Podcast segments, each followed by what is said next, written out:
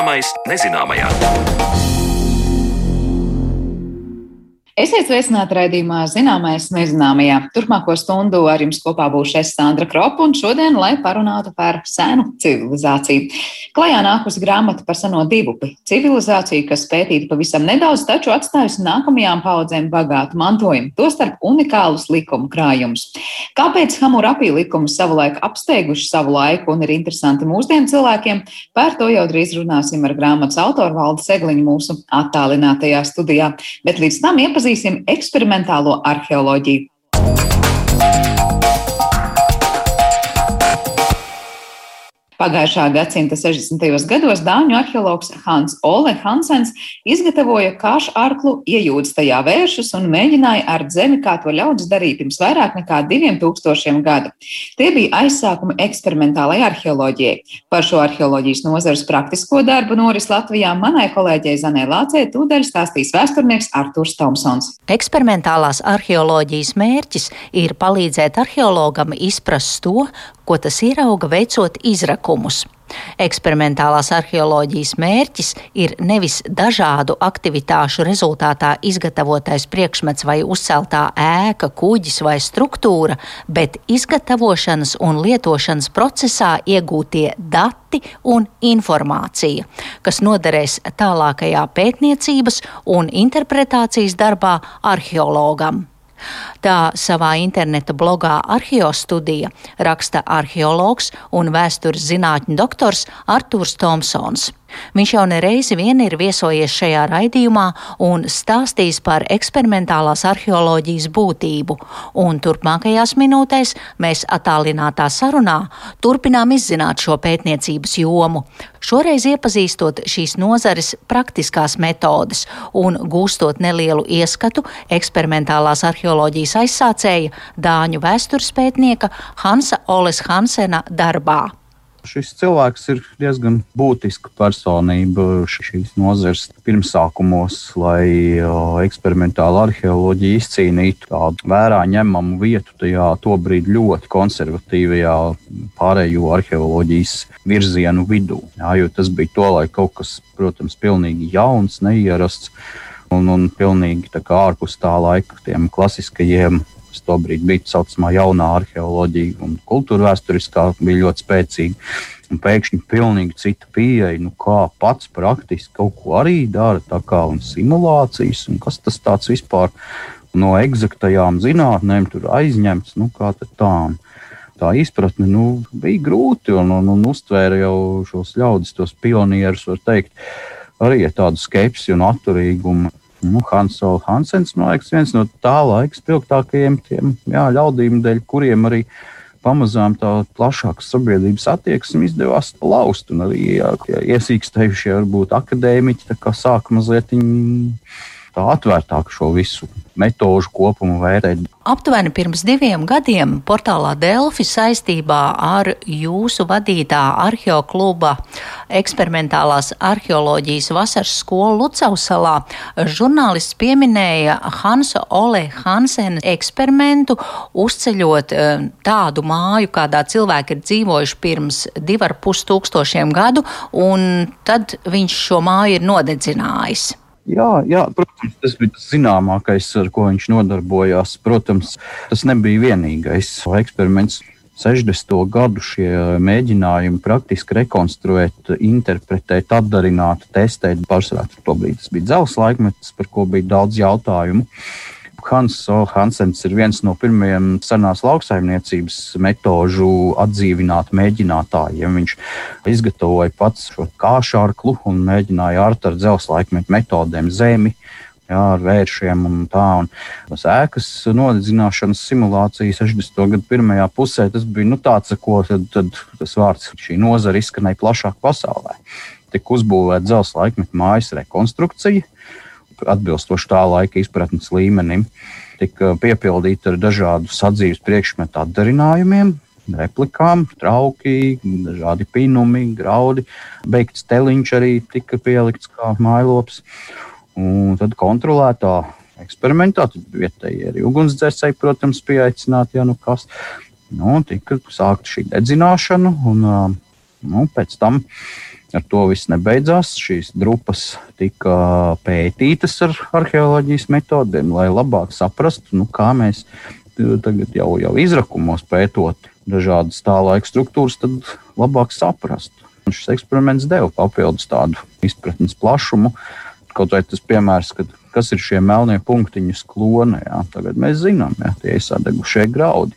Tad šīs grupas tika apraktas, un pēc 30 gadiem tika dots aklais tests Kopenhāgenes Universitātes studentiem, kas neko nezināja, kur kas atrodas, attīrīt ar arheoloģiskajām metodēm. Un, dod savu interpretāciju. Un, uh, tur jau parādījās, cik ļoti viegli ir mūzēm prātam apmānīties, ka tur pat ieejas vieta bija ne tajā vietā, kā mēs zinām, kā bija. Jā, tika norādīta un tā. Kas ir tas pirmais, pirms jūs, Artur, sākat kādu arheoloģisku izpēti? Vai jūs skatāt, e, kādi darba rīki ir vajadzīgi, vai izēja materiāli ieguvi, vai vietu meklējat, kur jānotiek šim eksperimentam? Galvenais kriterijs ir, vai ir kaut kāds arheoloģiskajā materiālā balstīts jautājums. Dažādu tehnoloģiju, tehnoloģisko ceļu rekonstruēt Tas, protams, arī ir jautājums, bet varbūt nu, netik dziļš. Jā, jo, nu, protams, vienmēr ir tas, kā viņi šo izgatavoja par kaut kādām lietām, nu, kas mūsdienās vairs neeksistē. Teiksim, tādam arheoloģiskam eksperimentam tam ir jābūt nu, kontrolētam, to ir jāveic nozares speciālistiem, kas nav to lasījuši pastarpināti no kaut kādām publikācijām, kam ir tiešā saskara ar to, kas ir atrasts. Tā tad uh, eksperimentam ir jābūt nu, attiecīgi zinātniski fiksētam atbilstoši šī brīža izpratnes līmenim. Un uh, tas kriterijs, ka visi pareizi ir atkārtojamība. Pēc apraksta jāsanāk tādam pašam rezultātam arī pēc 20 gadiem. Kā jūs iegūstat detalizētu informāciju par to, nu, kā piemēram viduslaikos izkāla metāla priekšmetus vai gatavoja māla traukus? Piemērs, ko es pats esmu darījis, ir dabīgā gaisa vilkmes krāsnes rekonstrukcija. Pamatojums šim veidojumam, par ko bija ļoti tādi virspusīgi pieminējumi rakstītajos avotos, ja nemaldos, Mūkam Teofīlam, slavenajā traktātā 11. beigas, 12. gadsimta sākums par dažādām mākslām. Viņš tāds mūks amatnieks arī piemina šādu veidu krāsni, bet neapraksta sīkāk, kā tieši tur, cik liela, plata, bieza. Ja. Tad ir Renesanses laikā viens zeltkals arī kaut ko līdzīgu piemin, ka ir tāda maģiskā krāsniņa, ja, kas pati vēl gaisu. Un ņemot vērā zināšanas par fiziku, par dažādu materiālu degšanu, tika pie zināmiem apstākļiem, ja ir pareizs formas, tāds kā skurstenis, sadegšana pastiprina gaisa ieplūdi un nav nepieciešams, piemēram, plēšas. Jā, un var sasniegt ļoti, ļoti augstu temperatūru. Un tad tādas divas šādu krāsni cēlis, vienreiz kopā ar kolēģiem Vācijā, vienreiz šeit pat Latvijā tas secinājums bija ļoti interesants, ka, piemēram, nu, man pašam šī agrīnā metālurģija ļoti interesē. Tur gandrīz nav nekādu zināšanu par to, īpaši tur vēl bronzas laikmetā, kur nav, protams, nekādu rakstītu avotu. Kā ar šādu krāsni strādājot, var to visu procesu izdarīt viens cilvēks. Tur nevajag vienu, kas pūš plēšas, viens, kas barolas, viens, kas aktētu tīģeli. Otrs tiešām plēšas nevajag. Tas tiešām notiek. Ir šis sadegšanas punkts, kur ir milzīga temperatūra pāri pa 1200 grādiem. Un tad nāk klāt tāda empiriskās mazās pieredzītes, kas ļauj labāk saprast, ka varbūt bija kaut kādas ārējās pazīmes, kā toreiz strādāja. Piemēram, bronzas laikmeta amatnieks, nu kā viņš zināja, ka ir 1200 skatīģels jāņem laukā. Nu, ja metra attālumā deg uzecis, nu 1000 ir. Tā kā zinām, tagad ir termometra palīdzība. Ja? Kā viņi bez cimdiem? Nu, vienmēr varam māliem nosmērēties, jā, un, un, un nevajag nekādas cimdas. Un šāda darbošanās ļauj tagad pilnīgi citām acīm skatīties uz reāli jūsu izrakumos pētītajiem bronzas laikmetu mālu pavardēm. Un, ja kaut kāda metālurģija tur ir, tad nu, uzreiz ir skaidrs, ka to varēs identificēt. Jo viņas gaisa vilkmes krāsnes ir nu, kaut kur līdz pusmetru augstas, un tad dabīgi laika gaitā tas viss sabrūk, un tas, ko izrakumos redz, ir māla pleķis vai aplis. Jā, bet ir visas šīs mazās pazīmītes, kas rodas pie tiem noteiktiem apstākļiem, un turpmāk mums tagad ir nu, datubāze, teikt, ko tad var, var droši likt lietā. Sakiet, kurš vēsturiskais laika posms ir visinteresantākais eksperimentālai arheoloģijai? Kaut kur tās metodes pārklājās gan arheologi, vienkārši nu, kā izrakumi. Izrakums jau lieto arī kriminālistika, jā, šo lauku pētījumu, apsekošanas, jā, visas tas uh, laikmets nav kritērijs. Tas atslēga ir tajā nu, veidā, kā jūs strādājat. Jā. Tā pati ballistika, jā, kas ir mūsdienu kriminālisti draugs, viņa ļoti draudzējas ar trasioloģiju, kas ir arheologa metode savā ziņā. Jā, kur ir uh, skatās dažādi materiāli, atstātās pēdas, dažādi citi materiāli virsmā.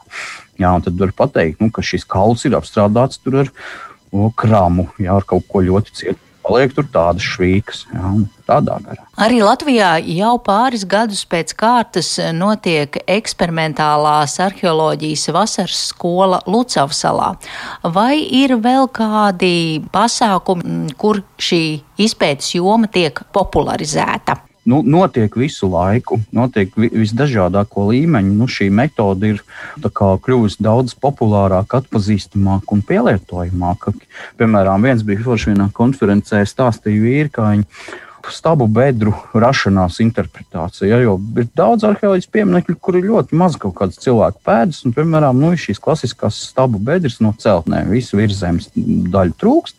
Mm, tad viņi nu, sarīkoja festivālu, viņi saraksta stabus, aizdedzināja, uzaicināja vietējos folk mūziķus, dzēra aliņu, skatījās, kā deg koki. Jā, un beigās, nu, protams, nākamā dienā tur viss apsekoja un sadokumentēja. Jā, bet tas tāds arī labs veids, kā šo zinātnisko sasaistīt ar varbūt tādu skaidrošanu sabiedrībai un nozares popularizēšanu. Uzsverot eksperimentālās arheoloģijas nozīmi pētniecībā, Arthurs Tomsons teica, ka tā ir pašreflektīva metode, kas dod iespēju atdzīvināt mēmo arheoloģiju, kura pati neko daudz nevar pastāstīt. Par eksperimentālo arheoloģiju stāstīja arheologs un vēstures zinātņu doktors Arthurs Tomsons, bet raidījuma turpinājumā pievēršamies valdniekam Hamurapi un viņa revolucionārajām idejām senajā divupē.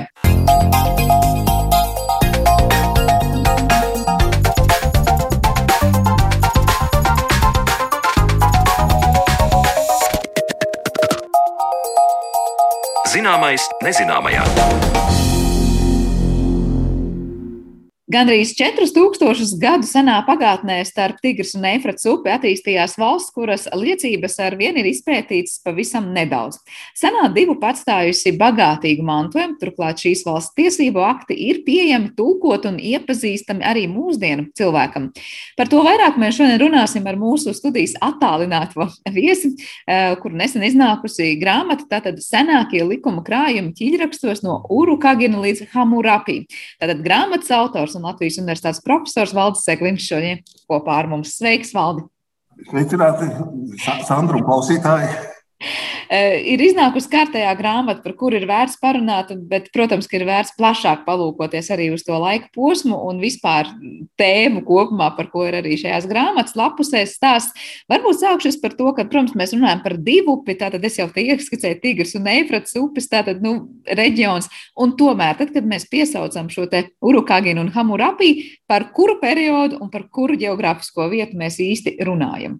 No chronoloģiskā laika, tad tie ir apskatīti skatītos mēs kaut kādu 24. un 25. gadsimtu mūsu ēras, ja, nu, un noslēguma daļā, ja, kur ir varbūt vairāk izvērstā, ka tieši, tieši tie hamurapi likumi, ja, tie attiecās uz, uz 17. un 16. un 17. gadsimtu mūsu ēras. Tad laika posms nu, tiešām ļoti, ļoti sena pagātne. Mēs skatāmies tiešām arī tāds, var teikt, nu, viens sākuma posms un beigu posms, var teikt, kaut kādā brīdī, mēs runājam par divu uh, civilizācijas laiku.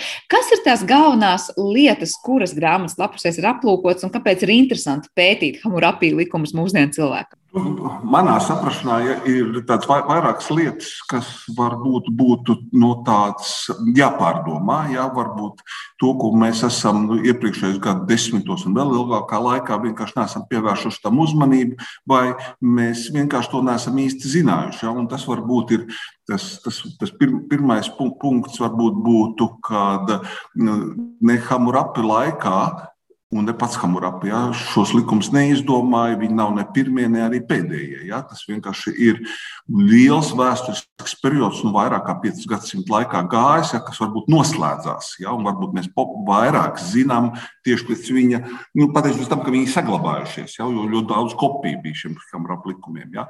Viņi no, no vēsturiskā, ne no kaut kāda citāda viedokļa, viņiem nav, varētu nebūt tāda īpašā vērtība, ja, ja, ja viņi nebūtu tik labi saglabājušies un tik pilnīgi saglabājušies. Ja, un vēlreiz viņi nav pirmie, nebūtu ne pirmie. Ja, un tā grāmata apskata, nu, sākot ar Gilgameša jau seniem jūras likumiem, ja, un tālāk ir, ir tāpat tās izsinas un, un Ešnunas pilsētas, ja, dažādi likumi, ja, krājumi jau, nevis atsevišķi likumi, bet likumi krājumi. Ja, Un tā tradīcija tiek turpināta un varbūt nu, zināmā mērā arī noslēgta ar tiem Babilonijas likumiem, ja, kurš tad, tad, nu, mums ir Hamarapilā laikā notiek. Ja. Tas ir viens.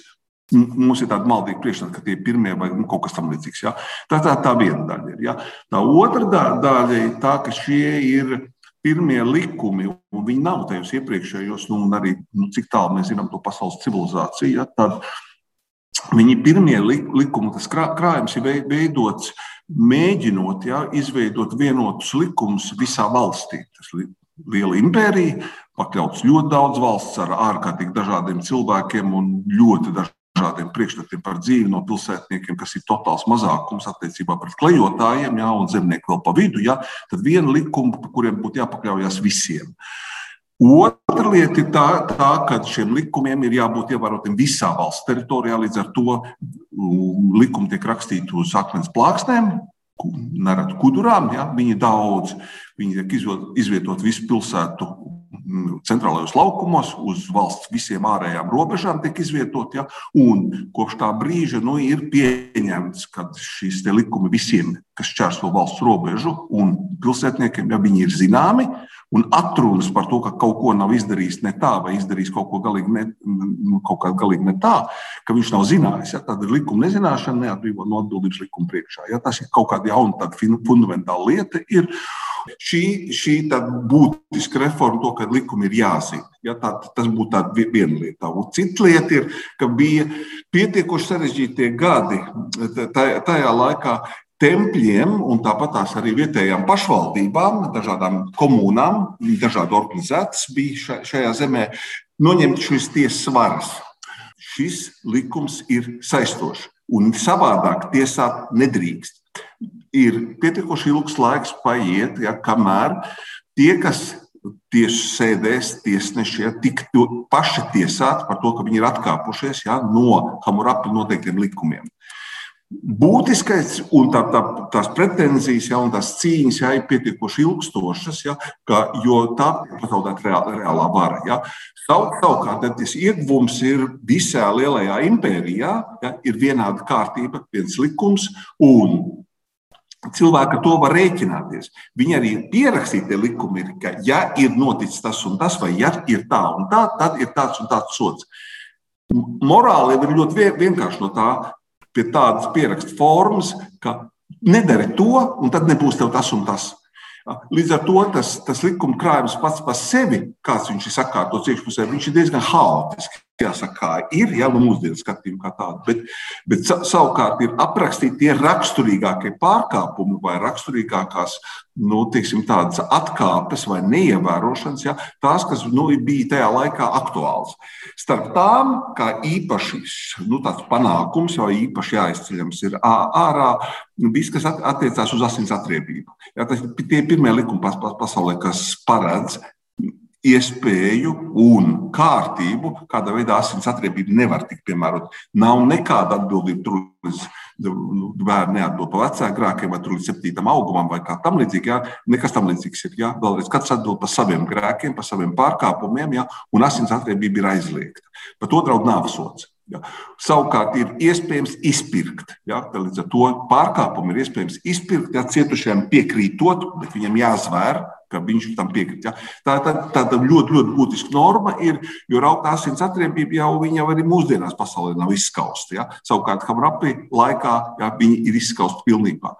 Līdzīgi tāpat tās vergu tiesības, vergs nav uz mūžu, ja?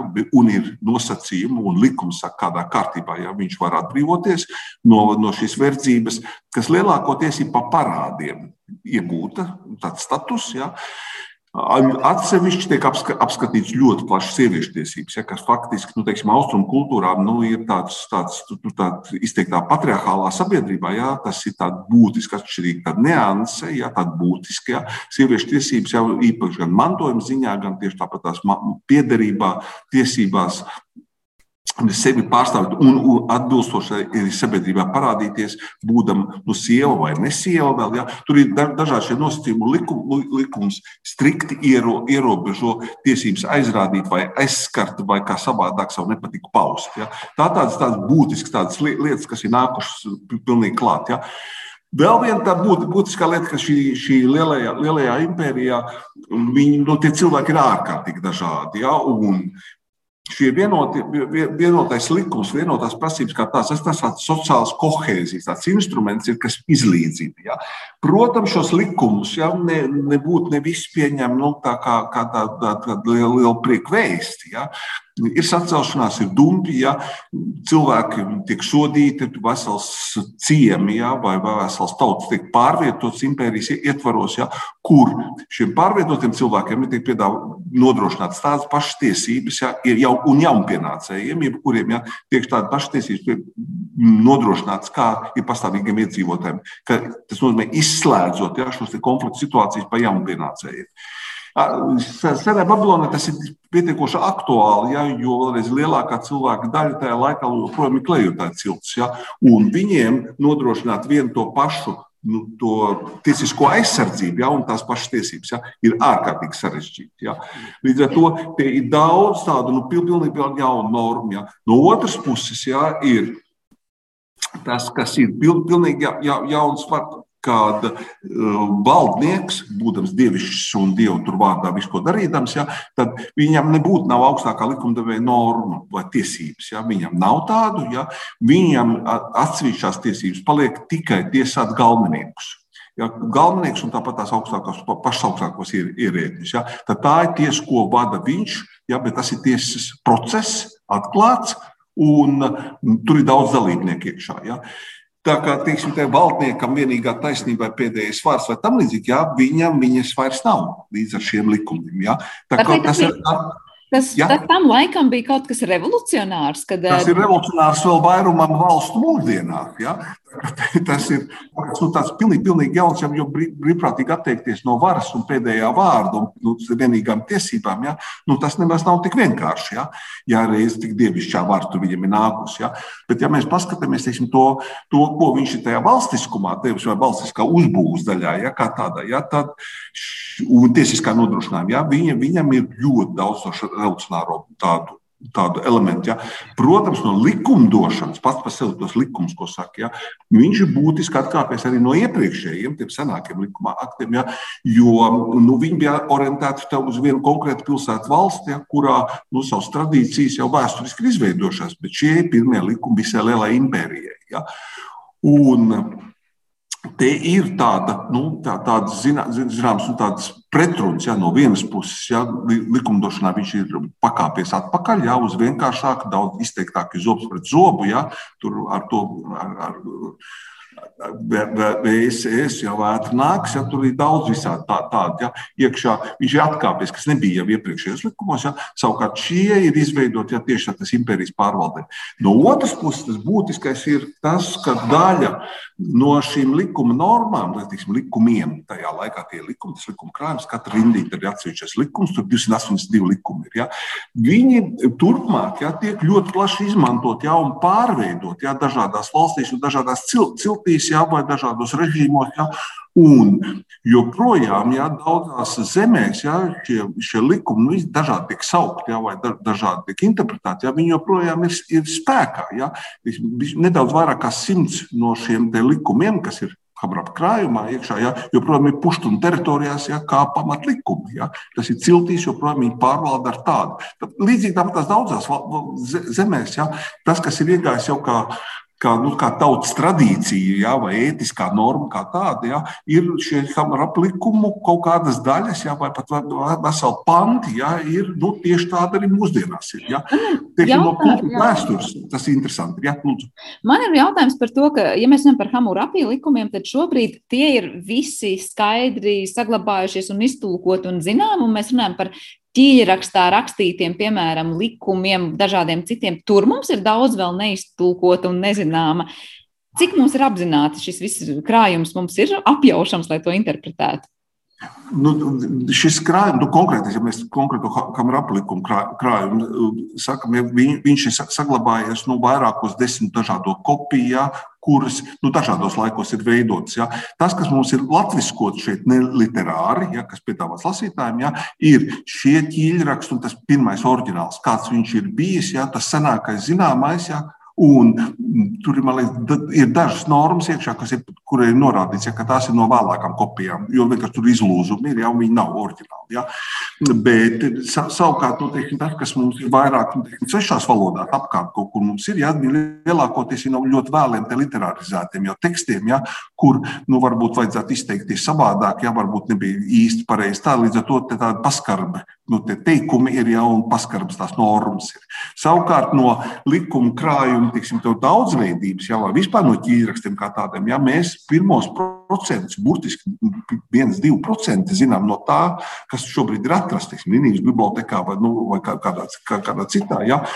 Jo to, tas daudzums, ja, to, tas literārais mantojums, neapzinātais, ja, kāds viņš mums tur ir, ja, nu, mums viņi šobrīd iztulkotu, ja ir nepilnīgi 2%. Ja, nu, es varu ka Britu muzejā 30,000 plāksnītes ir. Ja, nu, no viņiem iztulkot cik kaut kādi 60, cik tur ir.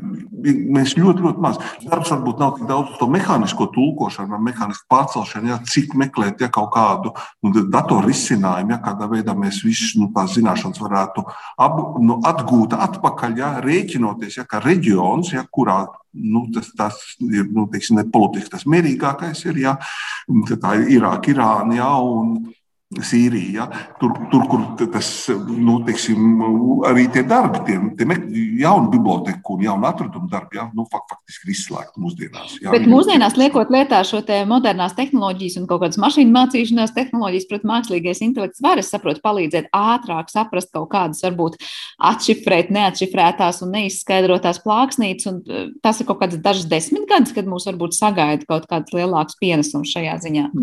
Es ļoti ceru, ka tas būs ātrāk vairāk, ja, jo šo, šobrīd ir pietiekuši lieli resursi, nu, gan datorresursi, gan arī tiksim, ir cilvēki piesaistīti. Ja, ir nu, kopīgām iniciatīvām, kas ir gan Google, gan Microsoftam, ja, un tāpat tās vairākas lielās universitātes ir iesaistītas iekšā, galvenokārt Kanādā un ASV, kuras meklē šo ceļu, kādā veidā to varētu nu, teiksim, pirmkārt, mākslīgo intelektu palīdzību ir daudz, nu, teiksim, daudz ātrāk tulkot, jo raugtas tulkošanas darbs viņš, viņš ir ārkārtīgi sarežģīts, ir, jo nu, neviena nu, nevien no šīm valodām jau nav dzīva. Ja, viņi ļoti daudz tekstu dialektos pierakstīti. Ja. Līdz ar to tās, tās cerības, tas perspektīvas, ja, nu, es tā, tā gribētu būt optimistisks, ja, redzot, kā datortehnoloģijas attīstās, ja, ka tas būs nu, turpmāk 10, 15 gadi.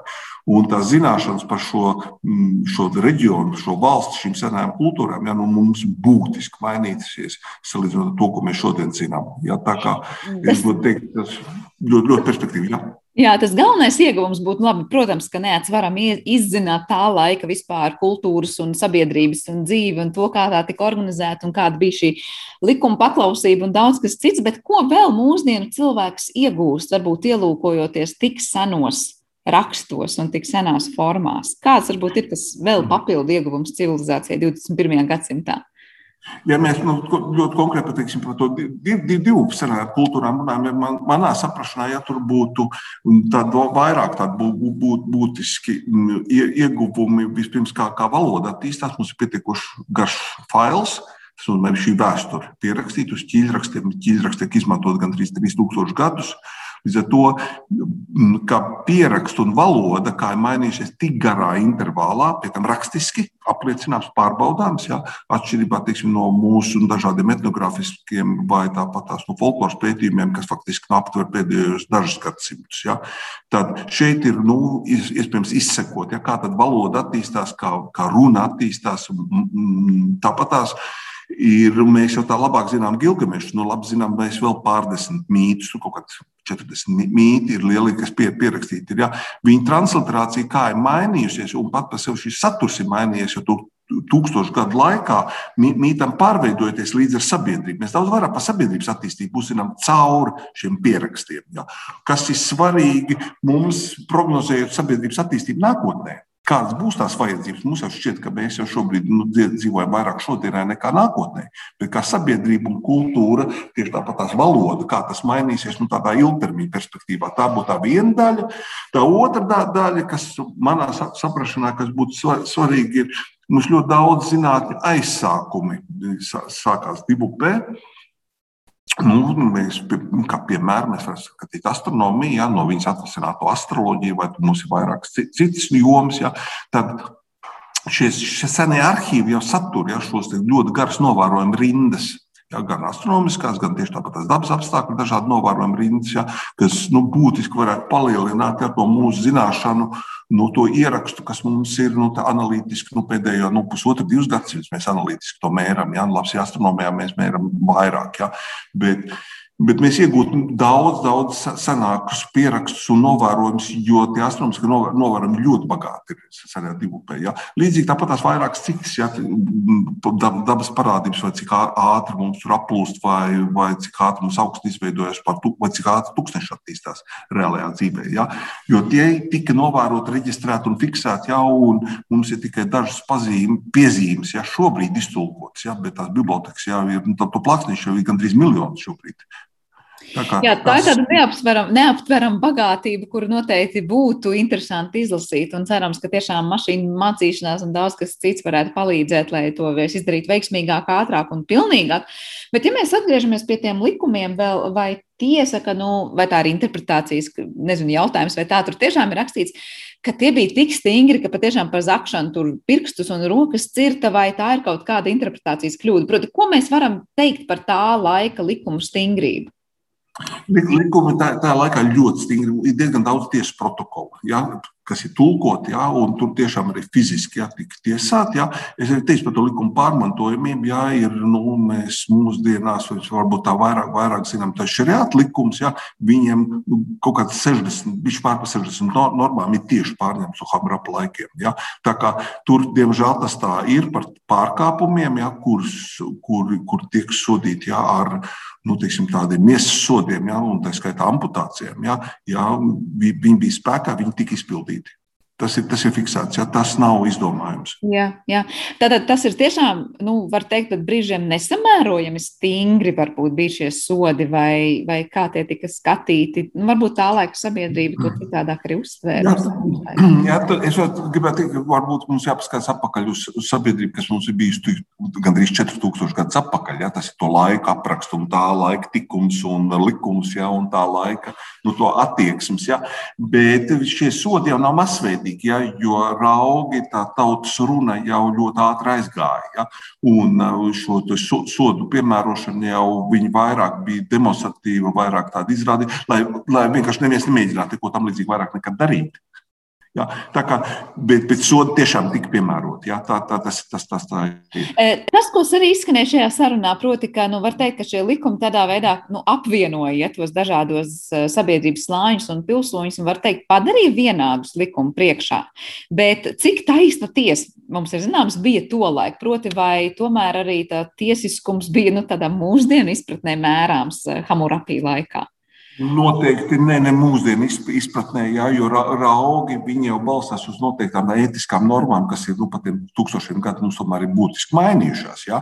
Tā kā nu, tiesiskums mūsdienu izpratnē nu, ir atšķirīgs, jā, tas mūsdienu izpratnē nu, bija vēl gan romiešu likuma vajadzīgi, gan daudz kas pa vidu vēl, jā, līdz mēs esam nonākuši pie tā, kas mums šodien ir. Jā. Bet savukārt par to piemērošanu, jā, to gan es gribētu teikt, mums ir vairāk ieraksti jā, uz māplākstītiem, kur aprakstīts, ir, kā tiek tiesāti mm, vietēji, vietējiem būtiskām atkāpēm ja, no Hamurapa likumiem, kas ir tiesājuši neatbilstoši. Um, tiesas, tiesu sastāvi, tie, tiek sodīti, tiesneši tika sodīti, ja, tika sodīti ļoti bargi, ieskaitot nāves sodu. Ja, Tā kā um, nu, teiksim, te bez izņēmumiem attiecībā uz pašiem tiesu, tieši tāpat par uh, maldu liecībām vai meliem tiesas priekšā. Un uh, tiek tiesāti arī galvenieki, pie tam augstākie galvenieki. Ja, Tā kā tur nu, tāpat tās pārvaldnieki pār provincijiem ja, ir tikuši tiesāti par nu, neatbilstošu vai, vai, vai apzinātu kļūdājumu ja, tiesas lēmumu pieņemšanu. Ja. Tā kā tur nu, teiksim, piemērošana, ja viņa tādā ziņā nu, viņa bija ļoti līdzvērtīga, vismaz tik tālu, cik mēs to zinām. Ja? Savukārt, tā vienkāršā cilvēka aizsardzība ja, pret nu, teiksim, augļotāju izspiedēju vai kādu citu, ja, viņi ir ļoti strikt aprakstīta. Ja, un, un tiesības pārsūdzēt, un vairākās instancēs, ja tā arī paredzēta ir. Tā kā tur nu, varbūt tas būtu tie piemēri.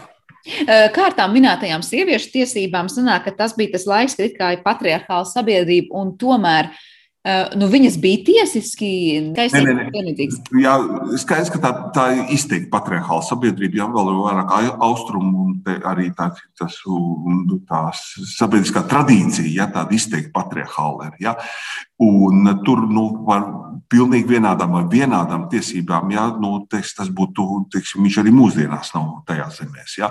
Tad, nu, pirms četriem tūkstošiem gadiem tāpatās, bet savukārt viss, kas attiecās jā, uz Nu, vispirms uz tieši reglamentācija, ka nevar atstāt bez mantojuma, bez pūra, bez, um, bez uh, iztiks līdzekļiem vai tiesībām sūdzēties un savu daļu un savus pienākumus pildīt Dievu priekšā, nepieciešamiem tādiem, tādiem resursiem, ja, un tāpat tās vietējo cilšu vai pilsētas vai kā citas ja, atbildība, ja, sievietes priekšā, īpaši, ja viņai ir bērni, ja, nu, viņi ir ļoti strikti noteikti. Es pieņemu, ka bērnu tiesībām droši vien mēs vēl vispār nevaram runāt tajā laikā. Nē, nē, nē, nē, nē tur nav, nav, nav tāda bērnu tiesība tieši, ne, bet, bet bērnu, bērnu pārstāv māte, nevis tēvs. Ja, nu, vienīgi no, no 14 gadiem, ja tēvs pārstāv, ja, ja tas ir puisis, ja tas ir, ja, ja tas ir dēls. Ja, bet sav, savādāk ir sieviete ir ļoti daudz pienākumu ģimenes priekšā, bet viņa ir aizsargāta. Ja, viņi ir aizsargāti īpa, īpaši nu, apstākļos, ja tur ir nu, tas, tas vīrs ir neusticīgs viņai, vai tur krāpja, vai tur nu, mantu izsaimnieko, vai kā savādāk, ja viņas pūra daļa vai viņas tāpat mantojuma daļa, ja viņai neaizskaramā ir. Ja, līdz ar to tiesim, tas vecāku pūrs, vai kas nāk līdzi, ja tā ir viņas neaizskaramā daļa, uz ko vīrs vai ģimene vai kāds vārds nevar pretendēt tikai nu, ar tālākām mantojuma tiesībām. Ja. Viņi ir nodrošināti. Ar pūru. Ja, tā ir sievietes garantija, ja, kas faktiski ir nu, tajā laikā, nu, kā, nu, tur bija dažādi ja, tā, tās tradīcijas. Ja. Tas, tas ievieš to kārtību. Vēl par to kārtību runājot, man tāds jautājums vienā no intervijām ir minēts, es minēju, ka um, tā sabiedrība tā laika nebija tik nobriedusi, cik varbūt nu, nobrieduši bija tie likumi. Uh, vai tā var teikt, ka bija tāda varbūt plaisa starp to, kas ir rakstīts likumā un kas reāli ir tie, kas tos, nu, bija tie likumi paklausīgie tev to laiku? Jā, tā, tā tas, tas tiešām tā ir īpaši attie, attiecībā, un varbūt ne tik daudz uz šiem vien, vienkāršām lietām, tām, tām pār, vienkārši pārkāpumu konstatāciju, tiesāšanu, tam līdzīgi, bet par atbildībām, kas attiecās jau uz, uz ierēģiem, galmu, pilsētu, pašvaldību, jā, no, noteiktām mm, hierarhijām. Jā, viņu un tāpat tās tempļu vāru. Jā. Skaidrs, ka tam laikam ja, tas ir neatbilstoši, neadekvāti, ja augstas prasības nošķirt ja, šīs te, no, nu, tiesības no tempļiem nostu, kas bija būtiski arī ienākuma avots un varas avots ja, par saviem no, nu, tiem, tiem lūdzējiem. Ja. Un, nu, diemžēl par to nākās maksāt šai valstī, un valsts faktiski pēc tam rapinās arī sabrūk. Ja, šīs pilsētas atjauno savas tiesības, ja, viņi sašķeļās un um, saglabā no aktīvā darbībā no apmēram pusi, nu, drusku vairāk no Hamra aplikuma, bet nosaka savējos, ja, un faktiski tempļa vara tā, tieši tāpat kā vietējo galmu vara ja, tiek atjaunota. Tajās jaunajās mm, pilsētu valstīs, kas veidojās nu, šīs Babilonijas senās impērijas sabrukuma rezultātā. Viņi nav atbilstoši. Ja? Viņi nav atbilstoši, ja? un daudz nav ar mieru sekot tam, ja? un, un tāpat tās pārkāpumi ir ļoti daudz īpaši, kas attiecās uz tirzniecību, ja? tāpat tās aizdevumiem, ja? tāpat tās pārkāpumi ir ļoti daudz attiecībā uz paverdzināšanu, tas ir parādos iedzinoši iekšā, ja, ja šis nu, aizņemās kaut ko nebūt, ja? tad nevar atdot, tiksim, mēs varētu zinām mērā salīdzināt ar no ātriem kredītiem vai tam līdzīgi neizlasot, vai kādiem citiem kredītiem, es atvainojos, tikai ātriem, ja?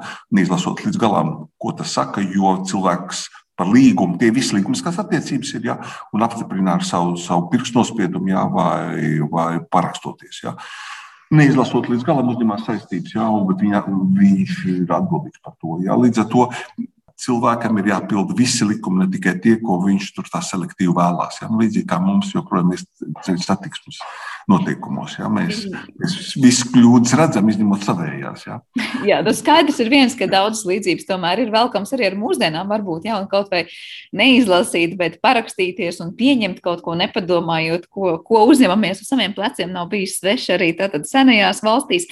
Noslēdzot mūsu sarunu jautājums, vai tas, kas ir pieejams šobrīd, tiek pētīts pietiekoši lielā apmērā, lielā apmērā, vai tur vēl ir ļoti, ļoti daudz, eh, kā saka, to tukšo plankumu, Un nevis tāpēc, ka pašas plāksnītes nav iztūkotas, bet tāpēc, ka vienkārši nav pētnieku, kas varbūt tam pienācīgi daudz veltu laiku. Un tur tur ir vairākas lietas. Ja, tas viens ir tas, ka nu, es jau pirms tam minēju, ja, ka iztulkots nu, bišķiņu pār pa vienu procentu ja, no tā, kas ir teiksim, tie saucās perspektīvākie teksti, garākie teksti, ja, vai, vai pēc satura, ja, tur viņi būtu interesanti tālāk to darīt. Ja.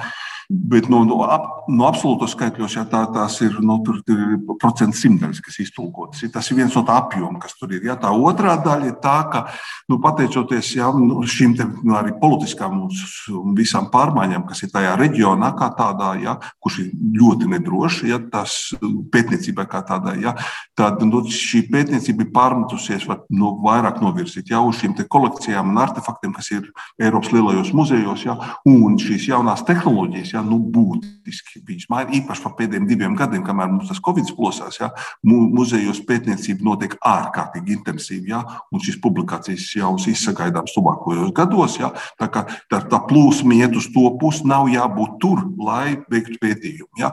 Tas ir kaut kas tāds varbūt savādāks. Ja. Tā vēl viena lieta ir tā, tā ka nu, nu, tā, tā 50. gados tika tā inventarizācija faktiski pabeigta. Ja, Irākā, Irānā, Sīrijā, ja, pār šīm nu, senās divos pieminekļiem. Ja, tur pamatkatalogā ir apmēram 25,000 vietas, ja, kuros būtu vajadzīgs šie pētījumi, ja viņi pamatoti, ja viņi fiksēti, ka tur ir tas un tas jādara. Ja. Sav, savukārt, tu, teiksim, realistiskie izrakumi, kas būtu nu, pēc otrā pasaules kara veikti, ja, viņi veikti ja, no, burtiski divos procentos. Ja. Un tas nozīmē, to, ka teiksim, tas, tas apjoms, ja, tas darba apjoms, ja, šu, kas būtu fizisko pētniecību nepieciešams, viņš faktiski nu, viņam pat galvu nevar redzēt. Ja. Bet tur ir jārēķinās ar to, ka šīs ir valsts, ja, kurās nu, ārzemnieku līdzdalība, jo mēs esam ārzemnieki attiecībā pret šīm zemēm, ja, ir nevēlama vai pat ar likumu aizliegta. Ja, tā tas, piemēram, Irānā ir, ja, vai arī nu, tiksim, tā politisku iemeslu dēļ vai reliģisku pārliecības dēļ. Ja, vēsture, kas attiecās uz laika posmu, uz senāk laika posmu, par 600 gadu mūsu ērā, ja, viņai ir nu, tumšie laiki, ja, un nu, viņu pētniecība netiek no valsts, no valsts puses nekādīgi atbalstīta, lai neteiktu savādāk. Ja. Bet pamazām tas mainās. Ja. Šobrīd ja, ir nu, vairāk zemes, kur ir viss veida um, vēsturiskā pētniecība, kas attiecās uz to senāku posmu, tas 600 gadu mūsu ērā, ja vienkārši likumiski aizliegta ir. Ja.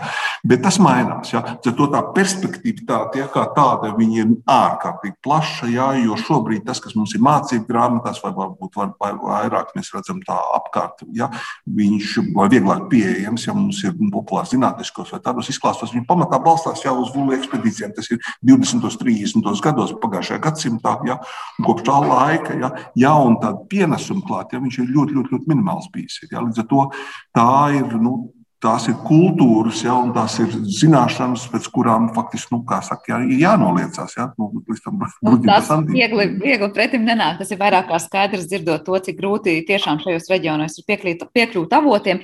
Bet, nu, atkal no otras puses iedvesmo tas, ka, ja tikai tik maz šobrīd ir apzināts, kādas bagātības tajā vēl slēpjas, un ja izdotos to visu saprast, iztulkot, atrast un izinterpretēt, tad, tad protams, mūs gaida vēl ļoti daudz jaunu un interesantu atklājumu. Bet šajā reizē es teikšu tiešām tiešām ļoti lielu paldies par šo ieskatu tajā, kādas ir šīs senās tiesības bijušas un likumi. Un tad, tad, atgādināšu, ka grāmatas autors, profesors un Latvijas universitātes prorektors Valdis Segliņš ar mums šodien bija kopā mūsu attālinātajā studijā par šo raidījumu parūpējās producenta Paula Gulbinska un mūzikas redaktors šai stundai bija Girds Bišs. Ar jums kopā bija Sandra Kropa un vēlēšu jums visiem jauku dienu un atkal uz tikšanos!